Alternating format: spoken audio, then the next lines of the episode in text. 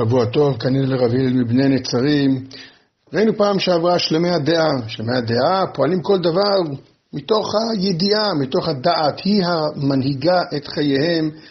אין דבר אחר שמשפיע עליהם. שמע האמת ממי שאמרה, מה שהתיישב בליבם מצד האמת, זה מיד מניע אותם אה, לכל מערכות החיים. נכון, לוקח זמן עד שזה מתיישב על הדעת ועל הלב.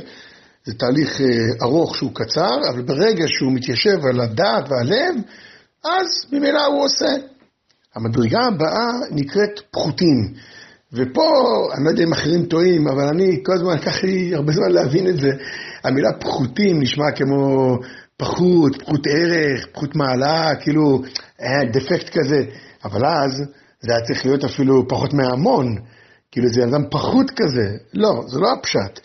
פחות פירושו קצת פחות משלם הדעה. אז מה, מה פירוש קצת פחות מהם? מה זה, מה זה קצת פחות משלם הדעה? במה זה מתבטא?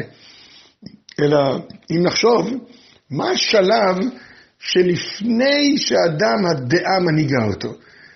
לפני הדעה, אם אתם זוכרים, הקדמתי, זה בערך גיל הטיפש עשרה.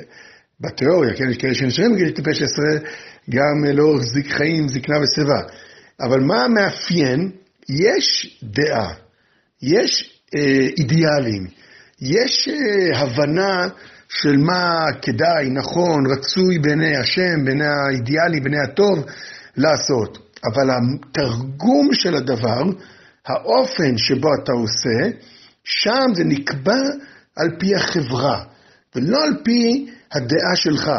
כלומר, אתה יודע שצריך אה, לעם ישראל, עם ישראל, עם ישראל, אה, לתרום לעם ישראל, לעם ישראל, אז אתה ישר הולך להיות מדריך אה, בסניף, עולים. או אתה, אה, אה, כמו בגיל הזה, מתנדב באיזו עמותת אה, חסד של, של, של ילדים פגועים. עכשיו, זה נפלא, כן? זה נהדר, זה ממש מדהים. אבל תראו איזה פלא. יש איזה גיל שפתאום זה מפסיק, פתאום זה לא, כבר לא, למה, למה בגיל 20, אחרי צבא פתאום כל אלה שהיו מדריכים בבני עקיבא, ומעמותה, וחריפים, וחמים על זה, וזה, מה קרה? איפה, איפה זה נעלם? מה, מה נעלם? כי הם עברו תהליך של ספציפיזציה, זו מילה שהמצאתי, ספציפיזציה, כלומר, לתרגום ספציפי של האידיאלים שלהם. כלומר, לכולם יש אותו אידיאל, הוא לא ישתנה, אני מקווה.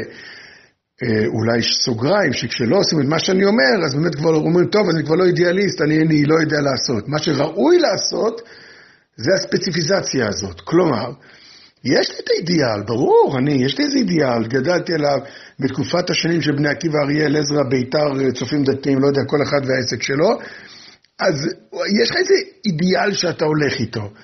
בגיל התיכון הוא ישר יתממש כמו כולם, בקבוצות. אבל כשאתה מגיע לגיל הדעת, מה שאמור להתרחש זה שאתה מוצא את ה... איך אתה מממש את האידיאל הזה בחייך.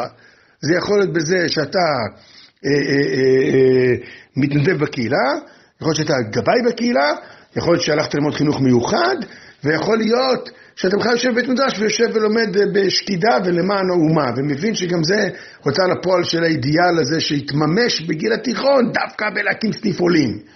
זה ירידה למשהו ספציפי שלך. אבל הפחותים, הם לא התבגרו.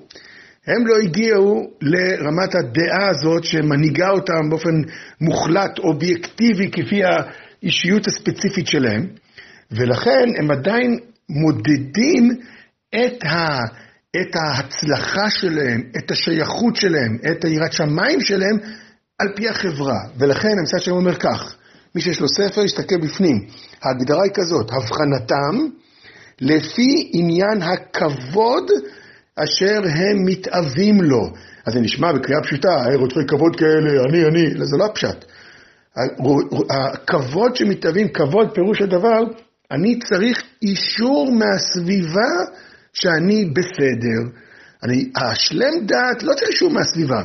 הוא יודע שהוא בסדר בגלל שהוא יודע, הוא הולך על פי הדעת, הוא יודע שבשולחן ערוך כתוב כך, בספרים כתוב כך, ברב קוק כתוב כך, לא יודע מה, אז הוא יודע להגיד, אני מממש את זה כך. אבל הפחותים מהם, יודעים כאילו שכך צריך לעשות איזה רעיון אידיאלי, אבל את האישור שהם בסדר הם מקבלים מהסביבה.